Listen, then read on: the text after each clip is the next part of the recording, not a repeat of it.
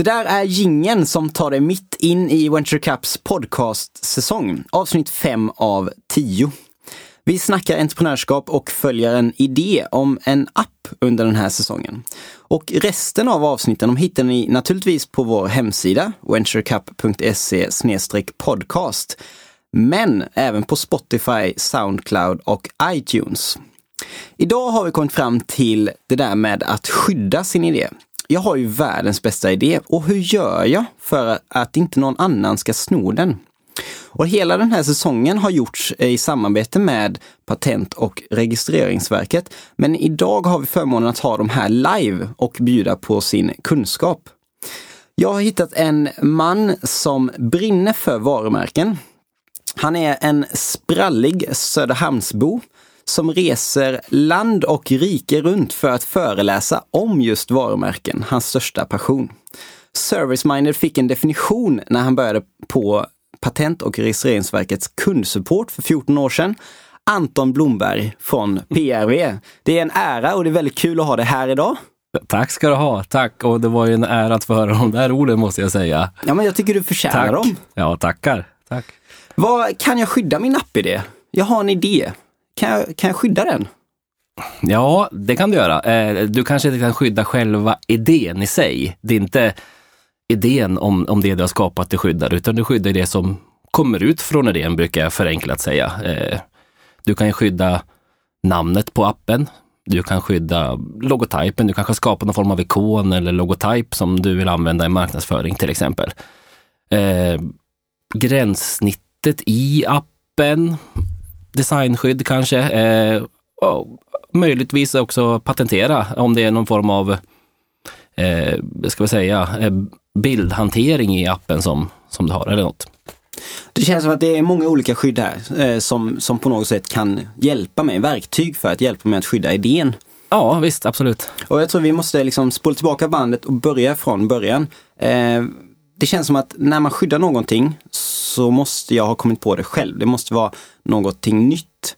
Eh, om vi börjar mm. då med, med den här bjässen patent. Ja, det kan vara bra att börja med så har vi det avklarat. Precis. Ja. Vad, vad, är det som ingår, vad är det som ingår där? Vilka liksom, kriterier behöver jag uppfylla för att kunna ta ett patent? Ja, det är väl främst tre kriterier som man ska tänka på i grunden då. Eh, och det är att det här, eh, det som du ska få patent på, det måste ju vara helt nytt. Det finns ett nyhetskrav. Det får inte finnas tidigare det här. Eh, och eh, det ska också vara en, eh, någonting som kallas för uppfinningshöjd. Vilket innebär att det ska vara en eh, ja, vad är det man säger? Det ska vara en väsentlig skillnad för det som tidigare är känt. Eh, vilket såklart inte är så enkelt att avgöra, men ja, det är ett kriterium. Eh, och så ska det vara industriellt tillämpbart, eh, heter det. Och, eh, vilket innebär att man ska kunna tillgodose eller skapa den här uppfinningen inom industrin eller tillverkaren inom industrin. Plus att den då ska vara eh, ja, den ska, det, samma sak ska hända varje gång du utför den. Eh, den får inte till exempel strida mot naturlagar eller man ska säga som en evighetsmaskin. Det skulle inte funka att patentera till exempel. Och visst är det så att det måste också vara en, en teknisk innovation? Det kan, ja, man kan säga, det? ja det, det kallas ju att det är, eller det heter att det är en, en teknisk lösning på ett problem. Eh, men det måste ju inte vara en uppfinning som en maskin som blinkar med dioder hit och dit och låter, utan eh, det kan ju vara ganska enkla tekniska lösningar som är patenterbara, bara de uppfyller de här tre kriterierna. Eh, jag tror till exempel att det finns något form av patent på en eh, amningströja, en, en, en tröja som är ett tvådelat stycke egentligen bara. Eh, och eh, ja, den, den, den löser ett problem och eh, ja, en väldigt enkel sak. Ja, precis. Det är ju inte det jag definierar som tekniskt. Liksom. Så nej, att, eh, det är lite bredare än så. Ja, helt ja, visst, ja. Men bara för att jag ska få med det med det här då. Det ska vara nytt. Det är första ja. grejen. Ja. Ehm, och om vi tar på den här fotodelningsappen då som vi har mm. följt under säsongen så ja, den idén är ju inte ny. Den är ju snarare väldigt många som har. Men kanske mitt sätt är nytt att lösa problemet på. Eh, precis. Så jag skulle kanske klara det. Kanske. Nummer två var uppfinningshöjd. Mm. Och då på något sätt så, det ska inte vara uppenbart för någon hur det här är gjort. Eh, är det en, liksom en definition? Ja, det ska skilja sig. Du, du ska ju ha löst det här problemet på, på ett annat sätt kanske än någon annan har gjort. Skapat någonting nytt som är, skiljer sig väsentligen från det som tidigare är känt, som kanske ändå löser samma problem i grunden. Är du med? Ja, jag tror att jag är med. Ja. Eh, alternativa lösningar helt enkelt eh, på något sätt. Och Mm. Det ska vara lite sådär halvtrixigt liksom att komma på det. Ja, kanske det. ja. och, och den tredje var eh, industriell eh, till, tillämpbar. Mm. Och då tänker jag att det här är ju en app. Det handlar väldigt mycket om mjukvaran. Mm. Räknas det som, kan, kan man patentera en mjukvara? Och är det industriellt tillämpbart? Ja, det skulle kunna vara möjligt. Eh, om, om det är så att mjukvaran i sig Eh, men vi säger att, att eh, du kanske komprimerar en bild för att kunna skicka den och då är det en himla massa, någonting som inte jag kan, men det är en massa programmering och, och, och bakom det här som gör att den här faktiskt kan komprimeras på ett sätt som att den kanske går, går att skicka över, över ett mejl till exempel, som inte alls hade varit möjligt om bilden hade varit väldigt, väldigt stor. Och där kan det då finnas en teknik, eh, en programmering som kan vara, kan vara patenterbar. Det är jättebra att ringa oss och få prata med eh, patentingenjörer som kan just det här, eh, om man vill. Och, och det gör man gratis? Ja, eller? det är bara att ringa till våran kundsupport och prata med, med oss. Och om inte vi kan så kopplar vi vidare då till våran patentsupport eller en patentingenjör som är expert på området. Det tycker jag låter eh, väldigt bra. Låter som någonting jag ska ta och göra här i veckan. Ja, det tycker jag. Eh, och kolla upp det här om det går att patentera. Ja. Vi går vidare till nästa grej som du nämnde och det var det här med att skydda en ikon eller något grafiskt eh, Mm. liksom på det. Ja. Vad, vad finns det för verktyg jag kan använda då? ja, då är det ju mönsterskydd eller designskydd som vi eh, oftast eh, pratar om, även om design och mönster är eh, två ord som egentligen säger samma sak. Eh, för det är mönsterskyddslagen man använder när man ska till exempel skydda en, en, ett utseende. Eh, men vi är lite modernare och tar, pratar om design då. Eh, så ett designskydd kan man använda sig av i de fall man känner att man vill skydda ett utseende i form av en ikon, men också mer traditionella mönster som du kanske vill använda på en tapet eller du kanske har skapat en helt ny ljusstake som har ett väldigt nytt unikt utseende och vill skydda den. Eh, till exempel. Anton sitter här i studion med en väldigt fin stickad tröja med ett mönster på. Eh, det här mönstret, skulle det liksom, går det att skydda ett mönster på kläder till exempel? Ja, det skulle kunna gå, absolut. Så textilier, tapeter, Ja, grafiska element som ikoner. ja precis. Ja men då, då borde detta gå att lösa. Ja, det, det, Eh, det tycker jag. Kan man även liksom skydda, vad ska man kalla det, själva interfacet eller användargränssnittet i appen? Ja, det, om du har skapat ett användargränssnitt som eh, inte liknar någonting annat som är tidigare skapat, så kan du via en eh, mönsteransökan eh, få skydd för ett visst gränssnitt då. Det kanske är mer vanligt när det gäller ska vi säga, webbplatser, men eh, en, ett app-gränssnitt skulle jag väl vilja likställa lite grann med en gränssnitt för en webbplats, liksom, Ja, med ett mindre format.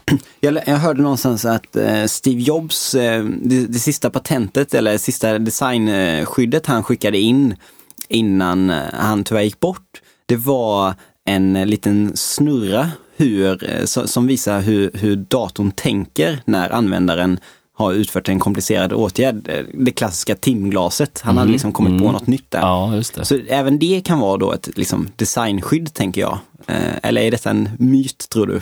Nej då, eh, ikoner för, till ikoner i program kan Mm. också vara skyddade enligt mönsterlagen då. Jag tror jag är med på detta och eh, det borde gå att hitta någonting som jag kan skydda i Mm. den här appen med Ja. design. Mm. Men jag, jag vill eh, liksom så fort som möjligt in på, på ditt eh, specialområde här och det som jag Skönt. tycker eh, låter superspännande. Ja, Eh, varumärkesskydd. ja. Vad är ett varumärkesskydd för någonting?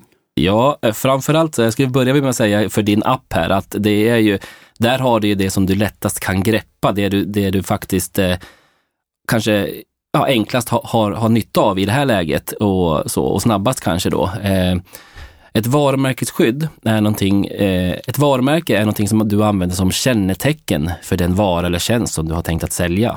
Kännetecken kan ju vara ett namn, namnet på din app till exempel. Kännetecken kan vara en logotyp, eh, en logotyp som du vill använda för att marknadsföra din app. Eh, det finns ju väldigt många appar som skapar snygga liksom, symboler eh, som oftast kanske är då fyrkantiga eller runda, men ja, det är upp till dig vad du vill skapa för slags symbol för att känneteckna din app. Då. Och de här eh, kännetecknen, namnet eller logotypen, kan du registrera som ett varumärke. Och det innebär att du får en ensamrätt till att använda eh, kommersiellt det här namnet eller den här eh, logotypen. Så innebär det att jag kan varumärkesskydda eh, namnet och logotypen fotodelningsappen? Ja, både ja och nej. Eh, du, eh, för att du sa namnet och logotypen. Eh, du kan inte skydda någonting, eller du kan inte få ensamrätt till någonting som är direkt beskrivande för den vara eller tjänst som du ska sälja. Så fotodelningsappen, nej, det kan du inte få skyddat. Skulle du i, i och för sig, skulle du ha skapat en logotyp som du har förknippat hela tiden tillsammans med den här fotodelningsappen, ja, då skulle du kunna få skyddat för en helhet där. Namnet tillsammans med loggan. Men inte bara namnet. Det måste ju alla som har skapat en fotodelningsapp måste ju få tala om det, att det här är en fotodelningsapp. Så det kan du inte få ensamrätt till. Men om vi hittar på något mer distinktivt då som namn. Mm. Eh, Ekorrens mm. foton. Eh, Precis. Något liknande. Ja. Då, då skulle det kanske gå, eller hur? Ja, så fort du har någonting som inte är beskrivande för det du har skapat, då kan du få ensamrätt till det. Eh, man kan kalla det för fantasiord egentligen. Eh, jag brukar ta några exempel så det kan vara lättare att förstå. Eh, som kanske, ja i och för sig, ordet kamera, eh, det har ju lite med foto att göra i varje fall. Eh, ordet kamera skulle du aldrig kunna skydda för en kameraprodukt. Men det finns skyddat för kläder till exempel. Och det är ett helt vanligt ord, men eh, det blir som ett fantasiord när det gäller kläder då. Och det går alldeles utmärkt att skydda då. då. Och det låter det då lite som att man gör någon typ av indelning mellan olika varumärken. Så att jag kan inte skydda ordet kamera inom fotoprodukter. Nej. Men jag kan göra det inom korvbrödsproduktion. ja, ja, det går alldeles utmärkt. Eh, och, och, det handlar då liksom om att man, man väljer ett område att skydda sitt varumärke Precis. inom. Ja, när du gör din varumärkesansökan så måste du tala om för PRV vad det är du ska skydda såklart. Alltså namnet eller logotypen, det måste du visa för PRV. Sen ska du också tala om för PRV vad du har tänkt att syssla med, vilka varor eller tjänster som du vill att det här varumärket ska känneteckna. Och det talar du om då i din ansökan. Och det här ska registreras för kläder. Och då delar man upp det här skyddet i olika klasser beroende på vad det är man sysslar med. Kläder hamnar i klass 25, livsmedel i 29-30 30, drycker 32 eh, och så vidare. Och så finns det då klasser som, som täcker in egentligen alla sorters varor och tjänster. Men PRV är en förkortning för Patent och registreringsverket. Yep. Förkortningar, är PRV skyddat? Ja, det är varumärkesskyddat och förkortningar eh, går att skydda som eh, varumärke. Så om jag hittar en förkortning på fotodelningsappen, mm. då ska det gå bra ja, att skydda? Vi gör ju en bedömning. När du skickar in din ansökan, vilket namn det än är, men säg att du har skickat in en förkortning, så kommer vi titta. Är den här förkortningen, är den kanske eh, allmänt känd för det du faktiskt har skapat? Ja, då kommer du inte kunna få det. Eh, men om den inte är det, ja då är det som ett fantasibegrepp och går då alldeles utmärkt att skydda.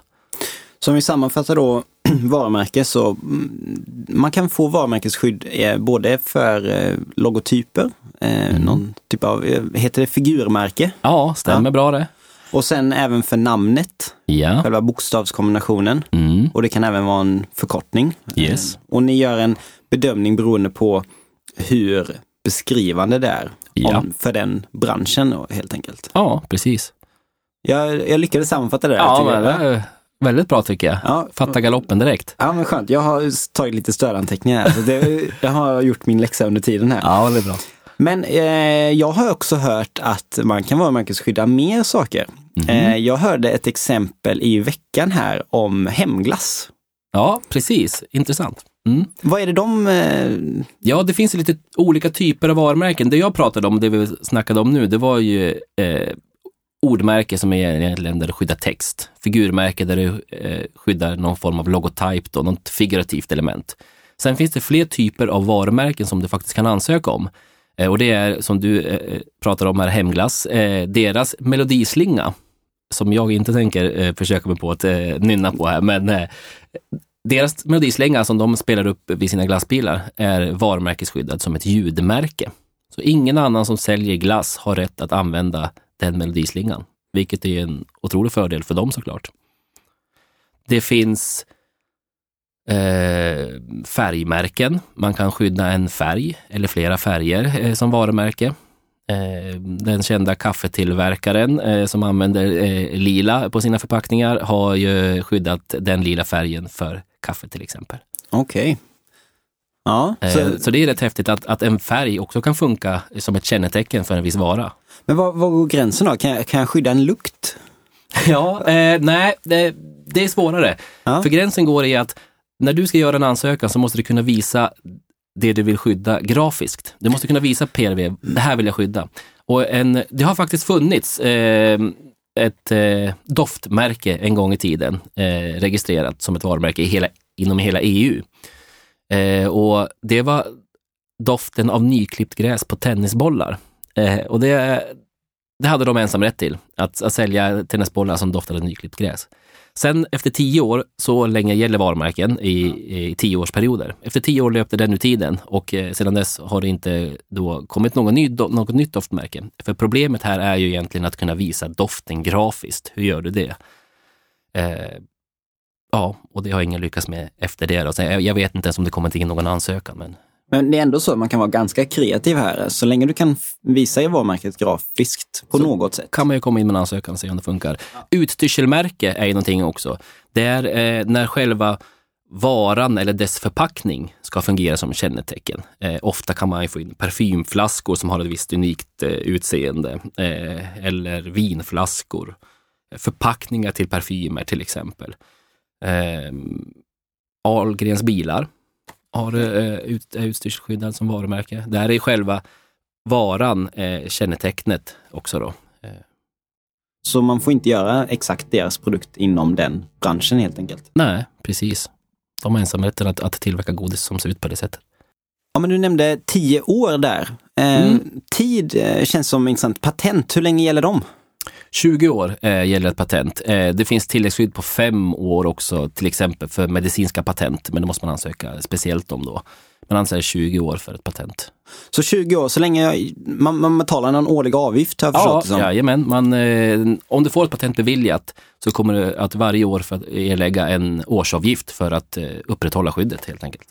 Och designskydd, hur länge gäller det? i högst 25 år. Och eh, där kan man säga att det gäller i femårsperioder. Du har möjlighet redan vid ansökningstillfället eller inom, no, inom den här tiden betala mer för att du vill att det ska gälla 10 år direkt eller 15 år direkt. Eh, men annars är det femårsperioder och högst 25 år. Och så sista här, varumärken. Det är oändligt. Oändligt. Ja, nej, men eh, det gäller i 10 årsperioder. Eh, men så länge du betalar in din förnyelseavgift så kan varumärket då gälla ja, så länge du lever eller så länge ditt företag lever.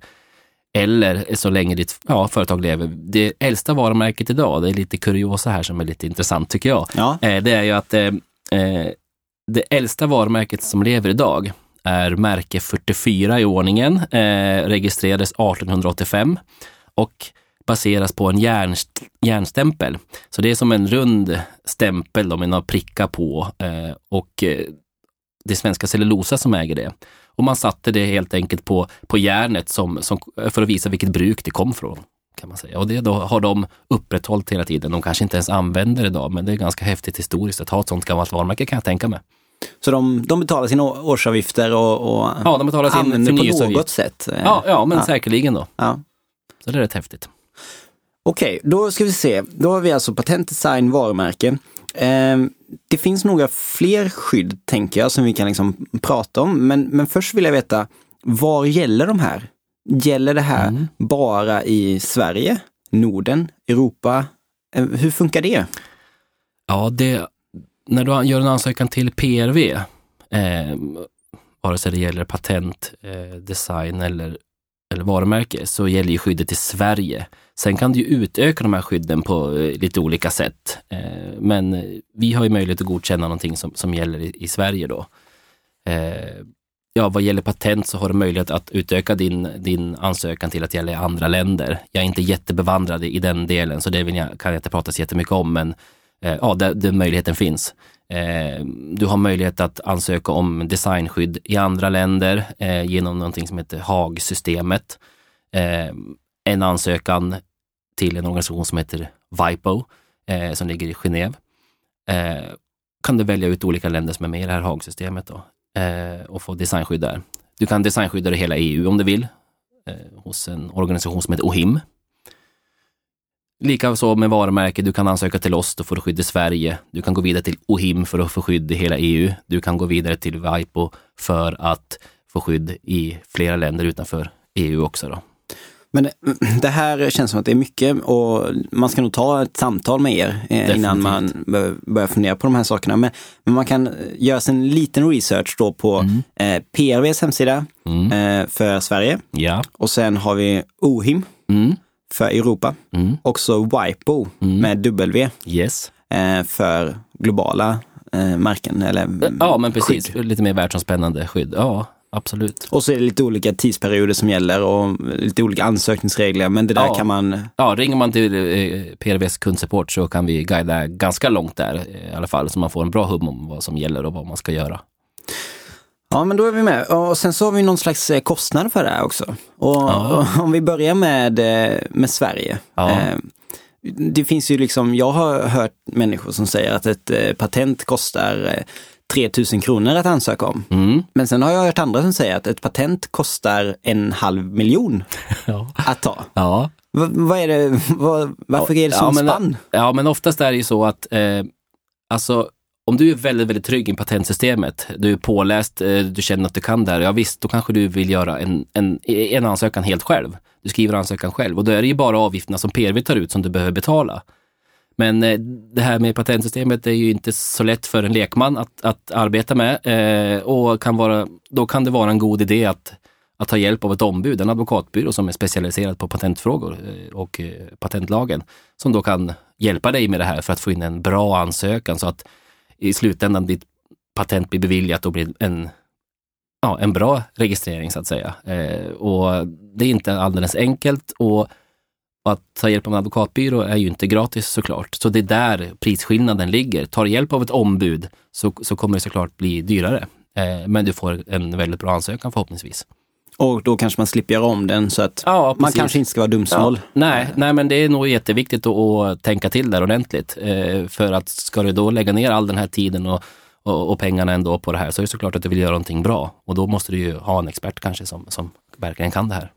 Och varumärkesskydd, hur funkar det med, med kostnader där? Ja, där eh, ska jag säga, det är en betydligt enklare process. Eh, det är såklart att du kan ta hjälp av, av eh, ombud där också. Eh, men eh, ja, lägger du ner lite tid och kraft så kommer du nog fixa det själv också. Eh, och med den hjälp du kan få av oss på PRV så, så kan du komma ganska långt.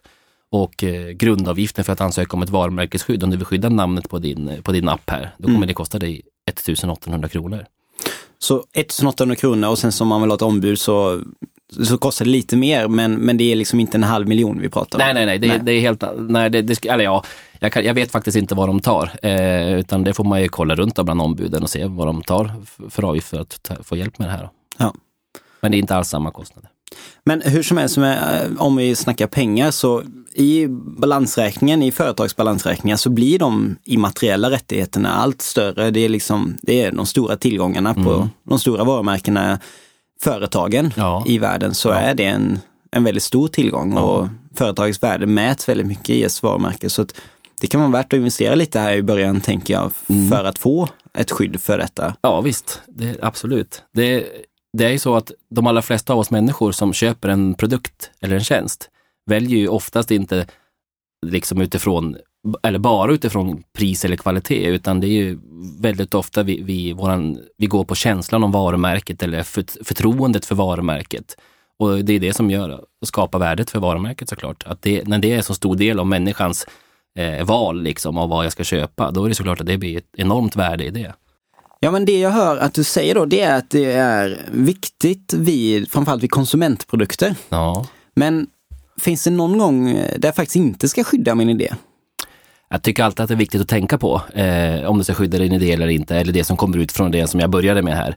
Eh, men eh, ja, kanske när det gäller produkter som går att ge ur tid väldigt snabbt. Och det kan ju vara svårt att veta vad det är för produkter såklart, men eh, Ja, då om du känner att det här är en produkt som är väldigt kortvarig på marknaden, eh, då kanske det är viktigare för dig att tänka på att du ska faktiskt få ut den eh, och sälja så mycket som möjligt tills det är dags för en ny slags produkt. Då. Jag, jag, kan tänka att det är till exempel kläder. Eh, ja, kan, ja, men kanske det. Modeprodukter som du vet, ja det här kör jag ett tag nu.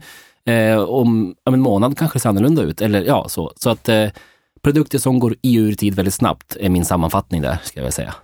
Det, det finns några fler eh, skydd eh, än de här. Eh, jag tänker på till exempel upphovsrätt. Mm. Eh, hur kostar det och hur funkar det? Ja, nej, upphovsrätten eller copyright, jag brukar försöka använda båda orden för att man ska förstå att det är egentligen eh, två begrepp som, som eh, ja, bara den engelska översättningen, copyright såklart. Då. Och det är den här klassiska C Ja, som man kan se precis. också Ja, precis. efter en rund ring med ett C. Ja, eh, och upphovsrätten är ingenting som kostar någonting. Och upphovsrätten uppstår automatiskt när du har skapat någonting som är då värt att, att skyddas av upphovsrätten. Traditionellt sett konstnärliga och litterära verk eller en en tonsättares eh, musikaliska verk till exempel skyddar sig av upphovsrätten. Ingen annan får skriva samma bok och säga att det här har jag gjort. Nej, för det var det Astrid Lindgren som gjorde till exempel. Eh, och så vidare. Eh, en en eh, skulptörs skulpturer eller så. Men även nu längre fram här har det då visat sig att upphovsrätten faktiskt går in och skyddar även industriellt tillverkade eller industriellt designade produkter som stolar, möbler och sådär och kan också faktiskt skyddas av upphovsrätt. Är den här podcasten skyddad av upphovsrätten? Eh, en bra fråga som ligger i, eh, ja, eh, vi pratar ju väldigt, ska jag säga, eh, informativt här. Vi, eh, det kanske inte är så mycket skådespel i det du och jag gör här. Eh, Ja, Eh, skulle jag hålla på och raljera som Björn Ranelid till exempel, så eh, kanske jag skulle prata på ett sätt som gör att det jag har sagt omfattas av någon viss upphovsrätt. Annars så skulle jag säga att nej, vårt samtal har ingen upphovsrätt. Eh, och det är då för att den inte uppfyller det här liksom konstnärliga ah, precis. verket. Ja, då. precis. Ja. Ja. Ja, det blev jag ju lite ledsen för dem. kan, kan, man skydda, kan man skydda den här podcasten på något annat sätt? Jag tänker det, vi gör den tillsammans med Patent och registreringsverket och Venture Cup. Mm, Eh, vi har en tekniker som sitter här och spelar in. mm. Vem, vem äger den här podcasten egentligen? Ja, men det, det skulle jag vilja säga det egentligen är den som producerar den då. Eh, Den som står för, eh, ja, som är producent i, i det här skulle vi lägga, äga den här podcasten, skulle jag säga. Sen så, så det är inte ändå kanske hur som helst någon annan får dela den här, utan eh, den som har producerat dess tillstånd. Eh, det bör man ju vara försiktig om, även om det du och jag säger eh, kanske inte omfattas av upphovsrätt då, så är det någonting ändå man ska tänka på. Och det gäller ju allting egentligen som man, som man vill dela, bilder, eh, texter, eh, filmer och sånt. Det är någonting som man ska vara väldigt försiktig med att dela hur, hur som helst. Eh, men om eh, vi med den här podcasten skulle lägga upp den och vi kanske då också har någon form av så här dela-symboler man kan se efter, efter det här att, ja, att man kan dela på Twitter eller Facebook eller någonting. Ja, då är det ganska tydligt att den som har skapat podcasten också vill att den ska delas och spridas då. Och då kan man vara lite tryggare då såklart, att ja, men då gör jag det. Så det är helt enkelt någon typ av lag man behöver hålla sig till här på den här frågan. Och, och det är ju en annan instans då kanske man ska ta kontakt med. Eller är det någonting som man kan, skulle jag kunna ringa till er? Och Ja, och skulle lite- du få prata med mig då så skulle jag eh, känna mig lite otrygg och prata mycket om det här, så då skulle jag eh, slussa dig vidare i vår organisation till, till, till att börja med eh, någon av våra jurister som är duktig på upphovsrätt till exempel, eh, och börja där då. Ni har ändå det fulla registret liksom? ja, jag, ja, absolut, det har vi. Vi har jätteduktiga person, jätteduktig personal såklart. Ja. Men, men det låter som en, eh, jag tycker det är en bra sammanfattning, här, en genomgående tråd. Att eh, ringa till PRV och få, fråga lite kostnadsfri rådgivning, det är inte en helt dålig idé eh, faktiskt. Nej, vi kan ju tipsa och rådge dig en- del, även om vi inte kan, kan eh, göra ansökan åt dig till exempel. Men eh, du kan få mycket god hjälp av oss. Om du skulle sammanfatta med tre stycken tips eh, som, som jag kan göra här i veckan eh, konkret. Liksom, vad, jag har den här app-idén, jag har funderat lite på den. Jag kanske har ett namn på gång. Mm. Eh, har du tre liksom, tips till mig som jag ska Ja. tänka på? Mm. Eh, jag måste fundera lite, men eh, nej, men det viktigaste tycker jag att när du skapar, skapar någonting och har idéer om, om, om, om någonting så gör din research. Kolla, kan jag skydda ordet? Eh, kan du alla regler kring det här? Kan du skydda vilket ord som helst? Eh, kontakta PRV eller kontakta någon som är duktig på det här för att själv känna dig trygg med att, att du ansöker om någonting som kanske kan funka då. Eh, så gör, gör din research innan. Eh, och eh, tips nummer två, såklart, registrera dig och gör det ganska tidigt så att ingen annan hinner före. Eh, Man kan säga att det är ju först till kvarn-principen som gäller för varumärke till exempel. Nu kommer mina tre tips egentligen gälla mest varumärke här, men eh, fast det är ju även då research kring eh, om det här om någon har löst det här problemet på samma sätt vad gäller patent då, eh, så kan du ju ta hjälp och, göra research där först. Eh, och även vad det gäller design, kolla är det någon som har designat någonting som ser liknande ut. Då. Så research, registrera i tid. Och, men också att man faktiskt måste bevaka lite. Det är inte, inte bara att sätta sig ner sen liksom att, eh, och känna sig lugn och trygg. För har du skapat någonting som är häftigt och bra så kan du vara ganska säker på att det är någon annan som, som kommer försöka vilja tjäna pengar också på, på att göra något liknande. Och då gäller det att ha ögonen öppna. Och ser du att någon använder någonting som du anser är ett intrång på det du har skapat, så gäller det att, eh, agera där. Tala om för dem att det här har jag ensam rätt till. Så bevakning där också. Men jag tror att varumärke är någonting som är aktuellt för alla företagare. Ja, men precis. Eh, Ja. Och därför känns det som generella tips. Och eh, de funkar även på patent och design. Och, Ja, men ja, visst, absolut. Så första, gör din research. Två, registrera. Det är först till kvarn som gäller. Mm. Och tre, glöm inte att bevaka efteråt. Nej, precis. Det är ingenting som du kanske måste göra dagligen, liksom, men ändå håll lite koll på det. Fundera lite över att, ja, är det någonting som i, i, i branschen som, som efterliknar mig? Eh, och sådär. Och eh, med de eh, tre tipsen så vill jag tacka dig Anton. Eh, Anton från PV, tusen tack för att du har varit här. Tack själv. Tack för att jag fick komma. Det var jätteroligt. Och vi ska eh, bege oss eh, ut till ett eh, café där vi ska möta Isabella Lövengrip och så ska vi se om hon har gjort sin research, registrering och om hon bevakar sina varumärken. Ja, häftigt. Anton och jag pratade om att skydda en idé. Men hur har du skyddat dina företag? Om vi tar till exempel Flat- Flattered. Ja, så jag, jag, vi har ju blivit bättre på det här med åren. Att inse att, att man måste skydda sig. Tänkte jag säga. Um, och just när det gäller Flattered så är ju det en inomhussko. Och så många företag så vill man ju starta i Sverige och bli bra på det först innan man går ut till andra länder. Men så här är det att Norge ligger faktiskt väldigt nära och, och många av oss får, får kunder i Norge väldigt snabbt och Norge tillhör ju inte EU. Så någonting som vi gjort med Flätter där var att vi skyddade först EU men sen också att vi gjorde separat skydd för både Norge eh, och Schweiz också. Eh, och det är inte så krångligt som man tror och det är inte så dyrt som man tror heller. Jag tror att vi, nu, nu kan jag inte siffrorna i huvudet men vi kanske har lagt 17 000 på, på alla skydd överallt. Och då är det Eh, varumärkesskydd. Ja, som- ja. och jag tycker verkligen att, att det är en investering som man ska göra i företaget om man märker att, att vi kommer faktiskt få, få kunder i andra länder. För jag har en, en vän till mig som driver ett jättestort bolag och hon missade just att skydda i Norge och så fick de deras största konkurrenter borta. Och det är så tråkigt när, när det sker. Liksom. Vi, vi gillar ju normen. Ja, just det. Men, men du tänker att eh, varumärke är väldigt viktigt. Eh, och om man tittar på blogg så är ju i princip varumärke det du har. Ja, alltså mitt, det mest värdefulla varumärke jag har är ju Blondinbella. Så att man kan ju anta att jag skyddade det redan 2007. Men är det gjorde- sanningen? Nej, det är inte det. Utan jag antog på något sätt sådär dumt att, att, jag, att jag bara hade det. För att jag ägde kanske domänet.se av något slag. Ibland så är det så lätt att blanda ihop saker och det, det får man göra.